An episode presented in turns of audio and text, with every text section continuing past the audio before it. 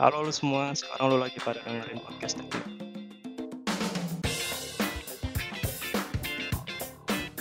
Eh, podcast ini direkam tanggal 2 Oktober jam 21. Jadi buat tanggal rilisnya insya Allah secepatnya lah, karena editnya juga nggak lama kan.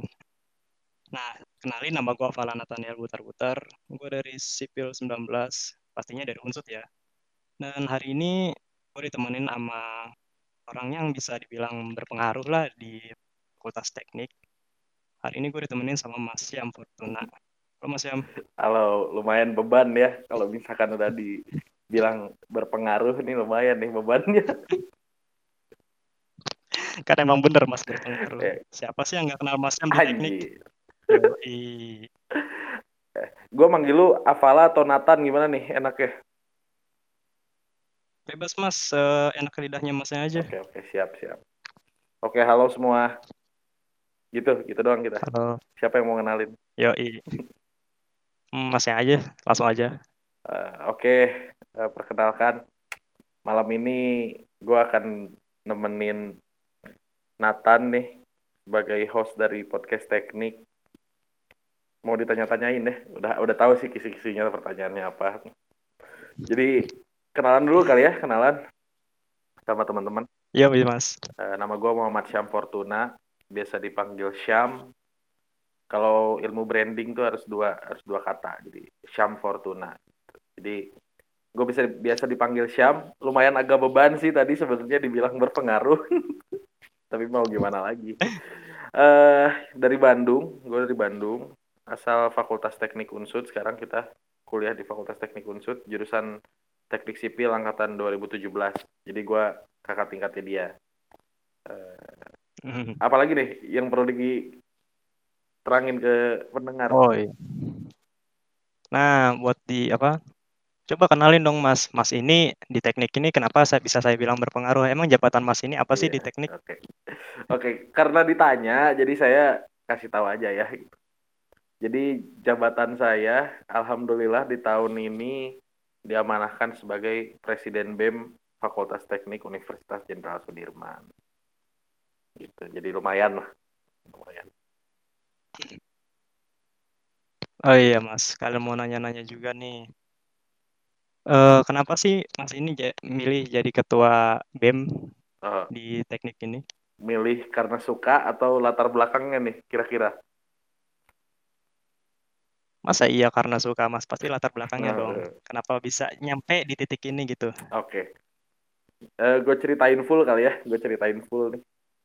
Jadi Boleh, boleh. dulu sebetulnya gue semester 1 semester 2 tuh sebenarnya kayak kuliah pulang kuliah pulang gitu karena memang ingin merasakan hal yang berbeda dari dulu gue udah aktif di organisasi ah kuliah nyobain lah gitu jadi rumput yang bergoyang gitu kan semester 1 semester 2 tuh nggak ikutan apa-apa dulu terus ternyata nggak betah nggak betah eh, akhirnya semester 3 gue nanya nih ke Febrian, Febrian Jeffrey lu kenal kan sama Febrian?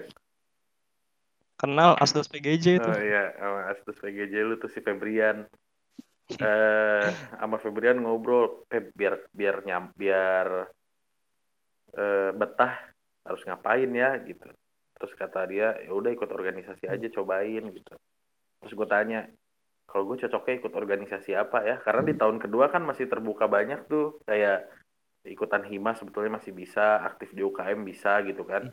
Di BEM bisa, Iya, masuk iya. PLM bisa. Jadi banyak pilihannya. Terus eh, berhubung dia kenal gua, terus dia bilang kayak lu mah nggak cocok sih kalau di himpunan katanya. Karena kan kita tahu budaya di himpunan di Fakultas Teknik tuh kekeluargaannya sangat erat gitu kan ya. Sedangkan Iya. gua tuh orangnya yang gimana ya? Mungkin temen-temen juga Gimana ngecap gue kayak selengean gitu. Gue tuh selalu dicap public enemy gitu dari awal. Jadi kayak anjing songong banget nih orang gitu. Selalu kayak gitu. Selalu kayak gitu. Terus eh lu tuh pe- pemikirannya liar, lu nggak cocok untuk diem di hima gitu. Terus Yang formal-formal gitu ya Mas? ya paling cocok lu di BEM katanya gitu. Terus gue kayak oh ya oke gitu di BEM terus daftar kementerian apa ya gitu. Waktu dulu kan masih open recruitment tuh Eh, mau daftar kementerian Mm-mm. apa ya bingung terus Febrian tahu gue lu kan suka baca katanya terus lu juga lumayan melek terkait isu-isu sosial politik lu udah paling cocok di kastrat gue tanpa pikir panjang udah langsung daftar di situ pilihan pertama gue kastrat dulu daftar di BMFT itu hmm. pilihan keduanya PSDM gara-gara menterinya Rian Rian Pratama angkatan 16 sipil tahu kan Oh, uh, kenal makanya milih itu. Iya, ya yang kedua PSDM gitu. Karena iyalah ikatan jurusan lah, paham lah.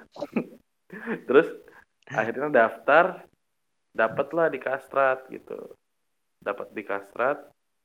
Selama satu tahun itu kepengurusan gue ngerasa kayak, wah ini dunia gue banget gitu. Maksudnya kayak mengkaji isu-isu sosial politik, ikutan aksi demo dan kayak gitu-gitu tuh kayak wah ini dulu gue banget gue jatuh cinta lah akhirnya ke dunia kasta mm -hmm. sebetulnya kenapa sekarang gue bisa uh, duduk di posisi presiden bem karena pasti ada pencalonan kan ada pencalonan kan dulu kayak pemira oh, iya, iya, iya. ini kan bakal pemira yep. nih bakal seru nih pemira seperti apa nah dulu sebetulnya gue saking cintanya sama dunia kastrat waktu itu sebetulnya kepikirannya apa gue jadi menteri aja ya gitu supaya bisa gerasak gerusuknya enak gitu loh tan supaya geras oh iya jadi pimpinan gitu kan mm -mm. maksudnya kalau kalau di menteri kan kita bisa bener-bener megang kementerian kita kan hmm. beda kalau misalkan ya, fokus satu bidang ya mm -mm. kalau misalkan di presiden kita cuma istilahnya kerak-keraknya doang lah di kementerian itu gitu. Sedangkan waktu dulu tuh gue kayak udah nyaman banget di kastat gitu. Nyaman banget di Kastrat tapi gue waktu itu ngobrol sama uh, Lukman. Lu tau Lukman nggak? Lukman Wapres Industri 15 Enggak lah bang. Enggak ya? Enggak tahu ya? Zaman segitu udah lu, udah lulus belum dia? Belum, belum ya? dia belum. Dia baru baru ya lulus dekat-dekat situ sih sebetulnya. Ada tuh di kopi emperan waktu itu di kopi emperan ngobrol uh, eh, gue kalau lagi banyak kerjaan suka ngobrol tuh sama barista baristanya di di kopi emperan sama Bang Pidut sama Bang Lukman tuh ngobrol di situ. Terus dia kan punya pengalaman dulu jadi wapres kan. Terus gue kayak Yoi. istilahnya kemakan kayak ngobrol obrolan gini sih kayak udah kalau bukan lu siapa lagi. Terus udah satu tahun nggak akan kerasa gitu maksudnya terus kayak udah kalau misalnya jadi presiden lu bisa megang semuanya nah dari situ tuh baru gue kayak yakin nih kayak wah udah nih yakin gitu gue bakal nyalon jadi presiden gitu terus dari keyakinan itu melalui sebuah banyak diskusi lah banyak diskusi internal gitu sama jurusan eh, diskusi juga sama pasangan gue sekarang Abu itu Abu. Eh, hmm. akhirnya mencalonkan diri eh, berkas-berkas lolos eh, dan menang gitu di Pemira akhirnya eh, sekarang menduduki posisi di presiden BEM gitu jadi sebetulnya kalau dibilang sebuah kebetulan ya agak tipis-tipis ke situ tapi kalau misalkan bukan dibilang sebuah kebetulan ya emang udah ditargetin gitu dari awal semenjak ngobrol itu kayak ah suka nih jadi kan sebenarnya kayak nggak sengaja gitu gue masuk BEM nggak sengaja karena pengen betah terus tiba-tiba iya. jatuh cinta uh -uh. terus tiba-tiba publik nih rakyat FT malah jadi pemimpin eh, ya. rakyat FT waktu dulu kayak udah siap lu gitu. Kayak gue merasakan dukungan dari teman-teman FT ya akhirnya nyalon jadilah jadi presiden sekarang gitu. Alhamdulillah. Nah alhamdulillah kepilih ya mas ya. Jadi saya bisa masuk BEM juga. Siap siap. Nah kan tadi mas bilang nih di semester 1 2 kayak mas nggak betah gitu jadi rumput yang bergoyang. Yeah. Terus mas bilang juga dari dulu udah selalu organisasi nih hmm Nah, kalau boleh tahu organisasi apa aja mas ya? Sampai ngebuat mas tuh bisa bilang nggak betah gitu. Dulu gue lumayan sih aktif. Memang kayaknya ya, gue tuh orang yang terlahir dengan kemampuan ini gitu. Kayak orang-orang kan ada yang dilatih atau seperti apa. Gue merasa memang terlahir dengan kemampuan ini. Dan hmm, gue bawaan ya. Dan gue emang orangnya suka dalam spotlight gitu loh. Kayak suka sebenarnya diperhatiin hmm, orang okay. dari dulu dari kecil. Dulu tuh waktu S, dari SMP udah kejauhan kali ya kalau gue narik ke SMP ya SMP gue aktif di OSI SMA lah SMA SMA SMA tuh gue pernah jadi ketua OSIS di SMA gue gitu. Awalnya jadi wakil cuman gara-gara satu dan lain hal akhirnya gue naik jadi presiden. Eh jadi presiden. Jadi apa? Ketua OSIS jadi ketua OSIS nah tuh SMA jadi ketua OSIS satu tahun. Lalu gue jadi ketua asrama jadi kayak istilahnya ketua angkatannya sekaligus ketua asrama dulu membawahi asrama kelas 3 kelas 2 kelas 1 dulu. Namanya lurah kalau di sekolah gue lurah. Itu sih sebetulnya dari situ kan udah ke, ya jadi di dinamika sekolah gue ya, tahu. potensi potensinya. Mm -hmm, gitu di dinamika sekolah gue tahu dinamika asrama gue tahu. Pas ke sini gue kayak pas jadi rumput bergoyang kayak ah, ternyata cuma gini-gini doang ya gitu kayak tidak ada tujuan hidup waktu itu tuh ya gak cocok aja lah sama gue gitu jadi rumput yang bergoyang mungkin dari orang-orang yang lain ya cocok gitu lebih menemukan kayak gue merdeka lah nggak ngurusin apa-apa gitu Berarti emang udah dari lahir ini mah, udah dari SMP, SMA udah jadi ketua. Nah. Makanya di sekarang jadi presbem kayaknya lancar aja. Iya, gitu. mudah-mudahan kayak gitu. Coba ya setiap fasenya pasti belajar sih. Jadi kayak di tingkat universitas gimana gitu, belajar terus sih. Tapi ada niat gak mas buat daftar presiden RI? Presiden RI itu eh uh, gimana ya?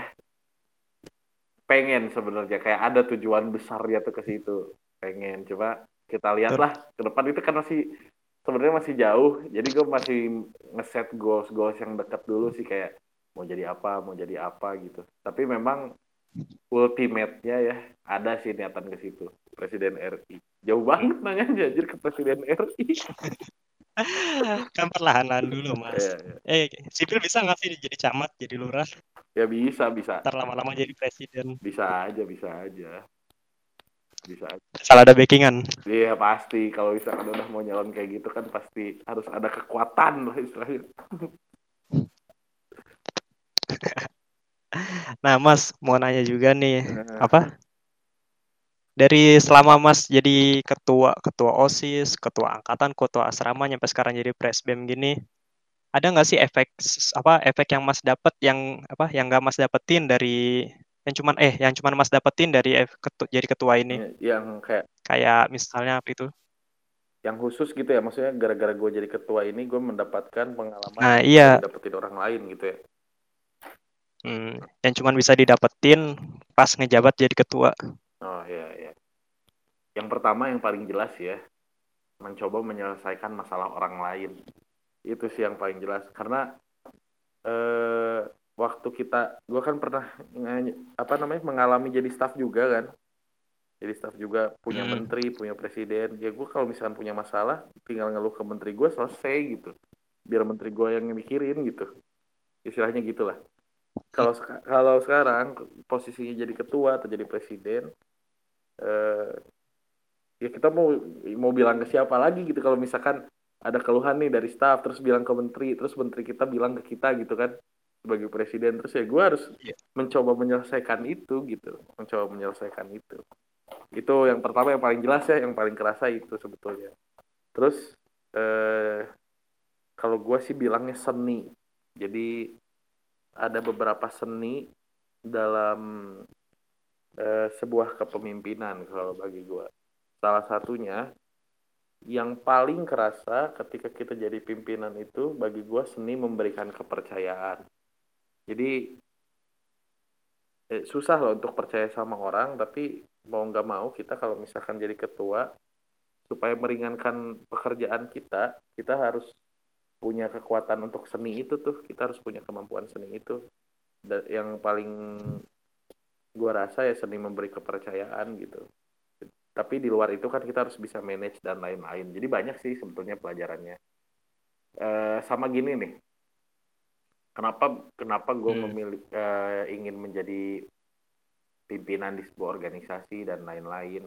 Karena menurut gue gini kalau kalau misalkan kita ada di posisi yang strategis kita tuh kalau misalkan untuk lebih bermanfaat cakupannya lebih luas caranya lebih mudah gitu jadi pasti contohnya siapa ya contohnya misalkan dulu dulu nih ya dulu waktu misalkan Ahok masih dilulukan di Jakarta karena kan emang kinerjanya oh, iya. bagus dan lain-lain gitu kan itu pahalanya banyak yeah. tuh pasti kayak uh, wah ini bermanfaat sekali buat rakyat Jakarta nah gue juga merasakan hal yang sama seperti itu jadi uh, orientasinya ya untuk bermanfaat buat orang banyak sebetulnya. Gimana caranya biar gampang dan lebih uh, luas cakupannya ya dengan menempati tempat-tempat yang strategis. Gitu sih gue. Itu yang didapetin sih. Jadi dengan satu posisi itu bisa ngasih dampak ke banyak orang ya, Mas. Mm -hmm. Luas dan gampang. Hmm. Nah, buat Mas sendiri itu kan Mas sudah apa? Semester 1 sama 2 nih udah ngerasain gimana jadi kuliah pulang kuliah pulang. Hmm. Nah, selanjutnya juga kan apa semester 3 sampai sekarang nih kan Mas aktif di organisasi. Iya. Yeah. apa ya? Kon perbandingan apa kerasa nggak ya perbandingan kontrasnya itu buat Mas buat apa? Buat manajemen waktu Mas itu. Kayak misalnya mungkin di semester 1 2 Mas itu kayak yang tadi Mas bilang bosen nggak hmm, ngapa-ngapain hmm. karena emang kuliah pulang. Hmm. Nah, semenjak Mas jadi staff terus sekarang udah jadi presiden waktu kuliah Mas ini apa memang benar-benar susah nggak sih kalau manajemennya? Gini sih, dulu waktu semester 1 sampai 2 tuh misalkan gue pulang pulang kuliah jam 10 pagi ya. Itu gue bisa main PES sama teman-teman kosan tuh sampai jam 3 pagi. Jadi bener-bener kayak oh gak ada kehidupan aja dulu. Jadi bener-bener gak ada kehidupan. Uh, ada sih pasti kontras kalau misalkan terkait pembagian waktu ya. Terkait pembagian waktu. Mm -hmm eh, kerasa banget sih. Jadi ketika semester 1 semester 2 ya pulang istilahnya ngerjain tugas, main game dan lain-lain udah selesai gitu kan kehidupan laki-laki umuran segitulah. Eh, setelah aktif di organisasi ada agenda rapat, ada agenda diskusi gitu. Eh, mengurusi berbagai hal fungsional. Jadinya emang ada uh, cukup kontras perbedaannya, tapi waktu dulu sih masih belum terlalu kaget gitu, belum terlalu nggak nggak kaget lah, nggak kagok lah gitu, maksudnya kayak wah ternyata jadi sibuk karena memang dari dulu nyarinya itu gitu.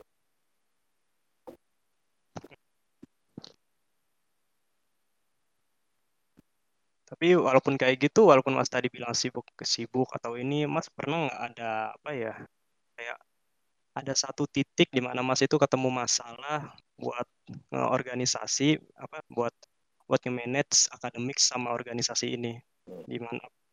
Ada ada ada pasti ada. Gua mah gimana tidak menutup kemungkinan ketika kita ingin menempati posisi seperti ini harus ada yang dikorbankan gitu kan. Tergantung prioritas kita hmm. yang mana akademik atau organisasi. Tapi gue dari dulu menerapkan prinsip kita nggak boleh mengadu domba akademik dan organisasi gitu. Jadi tentukanlah yang mana gitu dulu gue mementingkan memang organisasi dulu gitu e, karena ya istilahnya gue kenapa bisa berani kayak gitu karena gue tahu ya gue nggak nggak jelek-jelek amat lah di kuliah gitu masih kepegang hmm, dulu yeah, tuh pernah. Eh, gimana ya? Kalau misalkan dosen bener, dosen denger ilegal tapi eh, gak ilegal juga sih ya. Biasalah kenakalan kenakalan mahasiswa. Dulu tuh gue pernah gimana tuh? Eh kuliah tuh cuma datang satu uh -uh. kali kalau nggak salah. Cuma datang satu kali.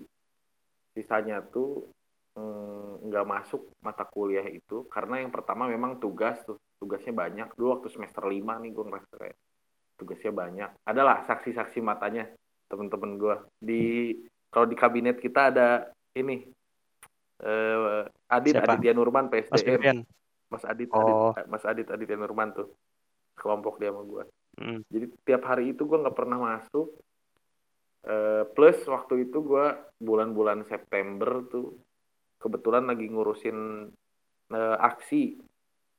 Aksi eh, oh, RKUHP dan RUU KPK. Yang... Oh iya nah, yang itu, ya. itu ya. Jadi emang kalau misalkan di kementerian gue dulu waktu itu di Kastrat sering banget tuh diskusi ke pusat dan memang kan kalau yang gitu masalahnya terkait momentum dan lain-lain ya. Jadi kita tuh harus memang di momen itu kayak harus gawe terus gitu di momen itu. Beda kalau hmm. misalkan lu di Kominfo memang gawe terus dari awal sampai akhir tapi ter, eh, ya udah tahu lah gitu konsekuensinya dari awal seperti yeah. apa.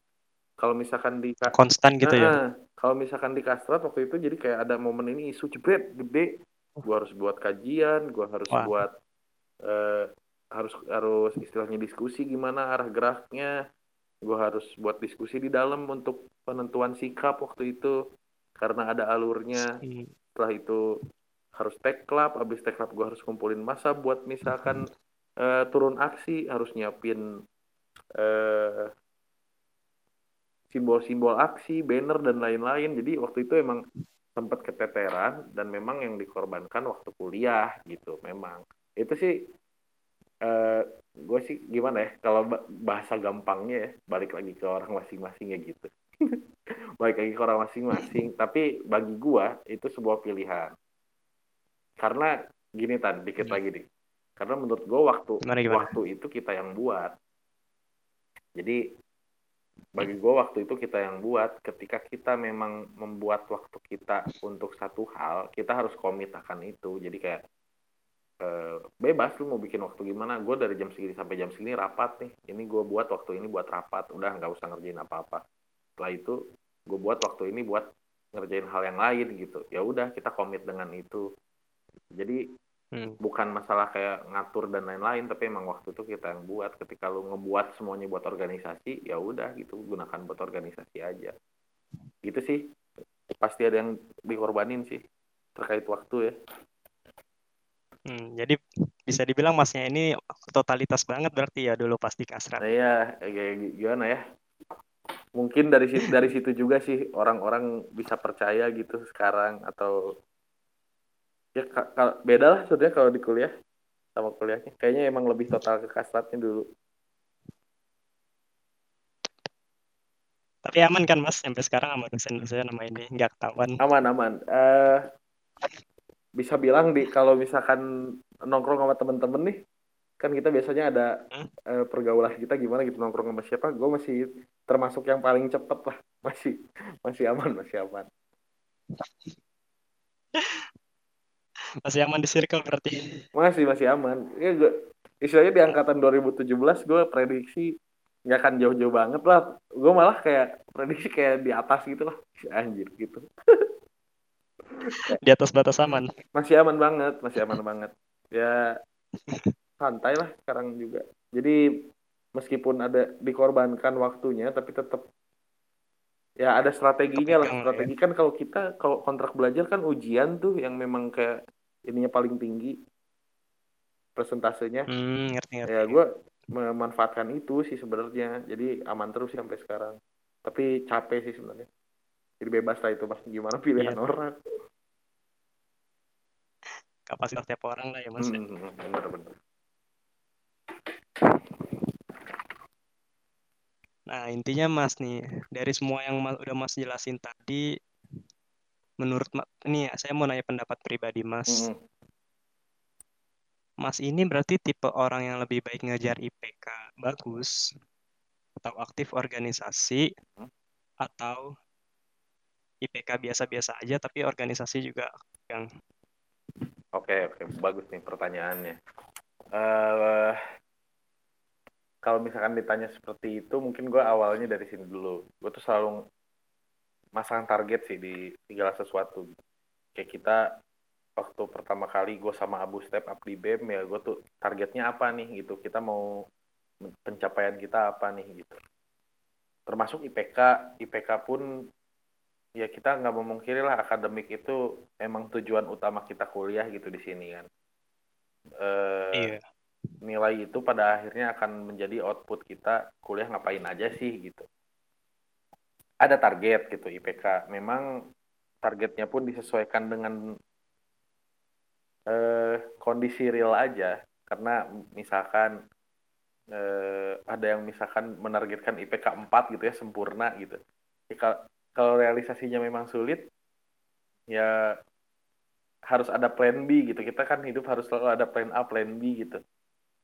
Gue ada target, gue yeah. ada target IPK yang buat eh, teman-teman sipil sih yang buat teman-teman sipil sih lumayan di atas rata lumayan tinggi nggak nggak terlalu tinggi lumayan standar tapi di atas lah gitu. Jadi kalau gue bisa step up dikit lagi, IPK gue termasuk tinggi gitu. Untuk di teman-teman Hmm. sipil gitu. Cuma gimana ya tadi per- pertanyaannya IPK tinggi atau aktif organisasi atau eh, ngejar IPK gitu ya. Mm-mm. Eh, jawabnya gimana ya Bi- bingung juga. Ya, itu pertama IPK selalu ada target ya. IPK selalu ada target. Iya. tapi eh, jatuhnya ke pilihan sih.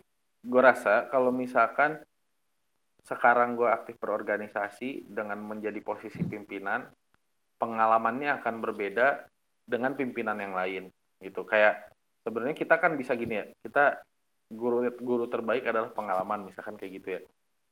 Tapi kan nggak harus kita yang ngalamin sebenarnya gitu. Bisa jadi orang lain yang ngalamin. Misalkan orang lain patah hati ya kita nggak nggak usah patah hati untuk tahu rasanya sebetulnya kayak gitu kan kita bisa nanya ke orang yang patah hati itu nah tapi Hmm, untuk di iya, kasus iya, iya. ini untuk di organisasi gue rasa experience-nya berbeda gitu karena eh, latar belakangnya berbeda gitu tim kerjanya berbeda. Jadi gue rasa gue ya udah step up aja dulu di organisasi.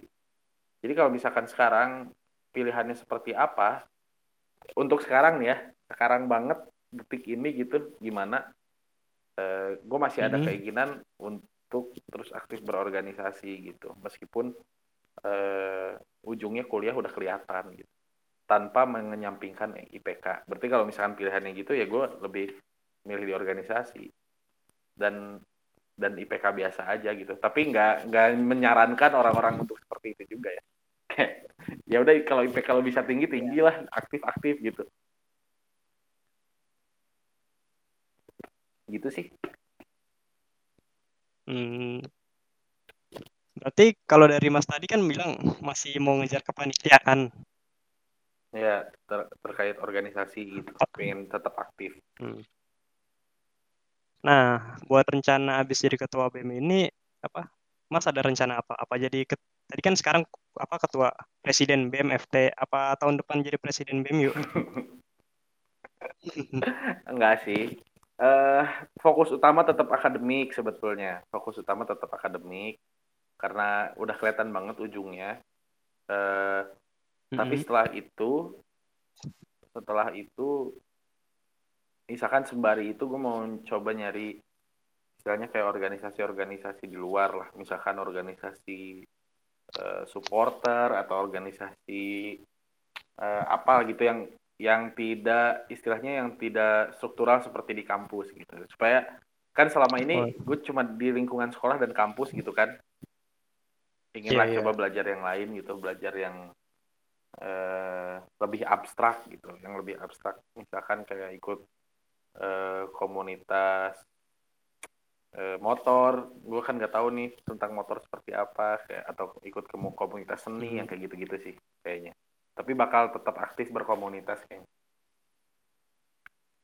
Berarti lebih ngincer yang ke yang lebih ringan lah ya, nggak terlalu berat-berat lagi. Iya, ya, tapi kita kan nggak tahu sebetulnya ke depannya seperti apa. Jadi we'll see, we'll see. Gitu, tapi fokus utama tetap lulus dulu sih.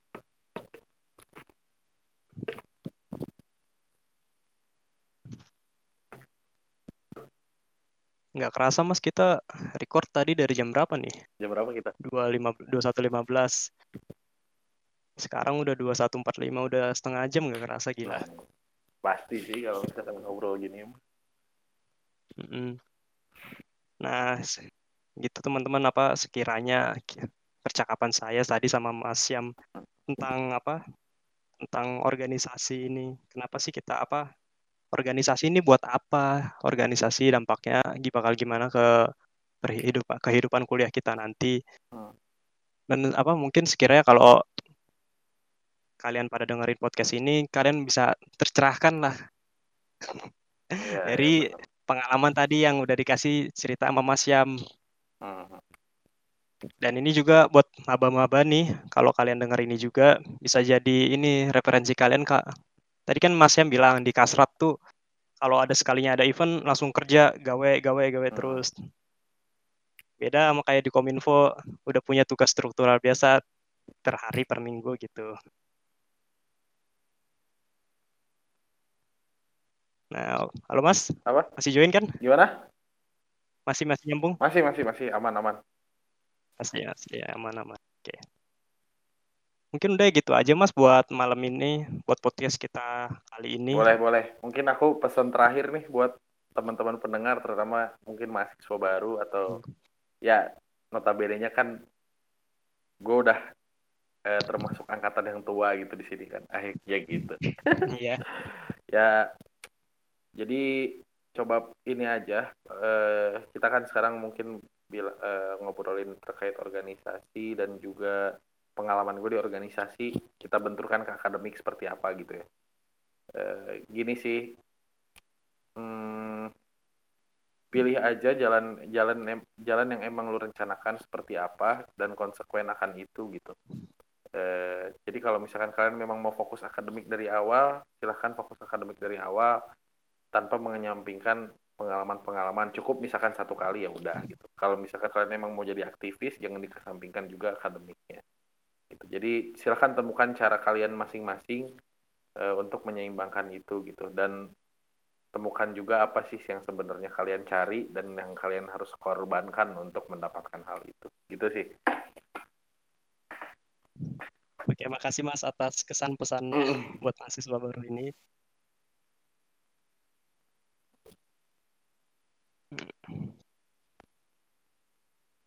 Oke, boleh udah bisa udah masih udah nggak ada kan Mas pesan-pesannya? Bisa saya tutup kan? Udah cukup cukup cukup. Eh, didengerin aja nih podcast ini sama kawan-kawan.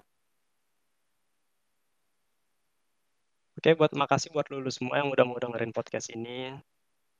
Oh iya, buat disclaimer, podcast ini di podcast ini direkam secara online ya lewat Discord.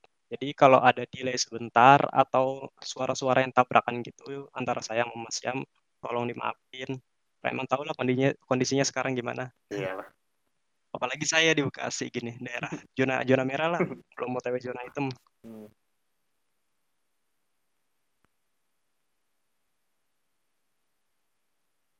Oke, satu satu pesan apa? Satu pesan buat kalian semua yang lagi ada di rumah di daerah kampus, stay safe, tetap jaga protokol pro- protokol kesehatan. Ya, semoga pandemi ini cepat berakhir biar kita bisa beraktivitas dengan lebih baik di ke depannya. Oke, selamat malam. Sampai jumpa di podcast teknik yang berikutnya. Oke, goodbye. Bye-bye.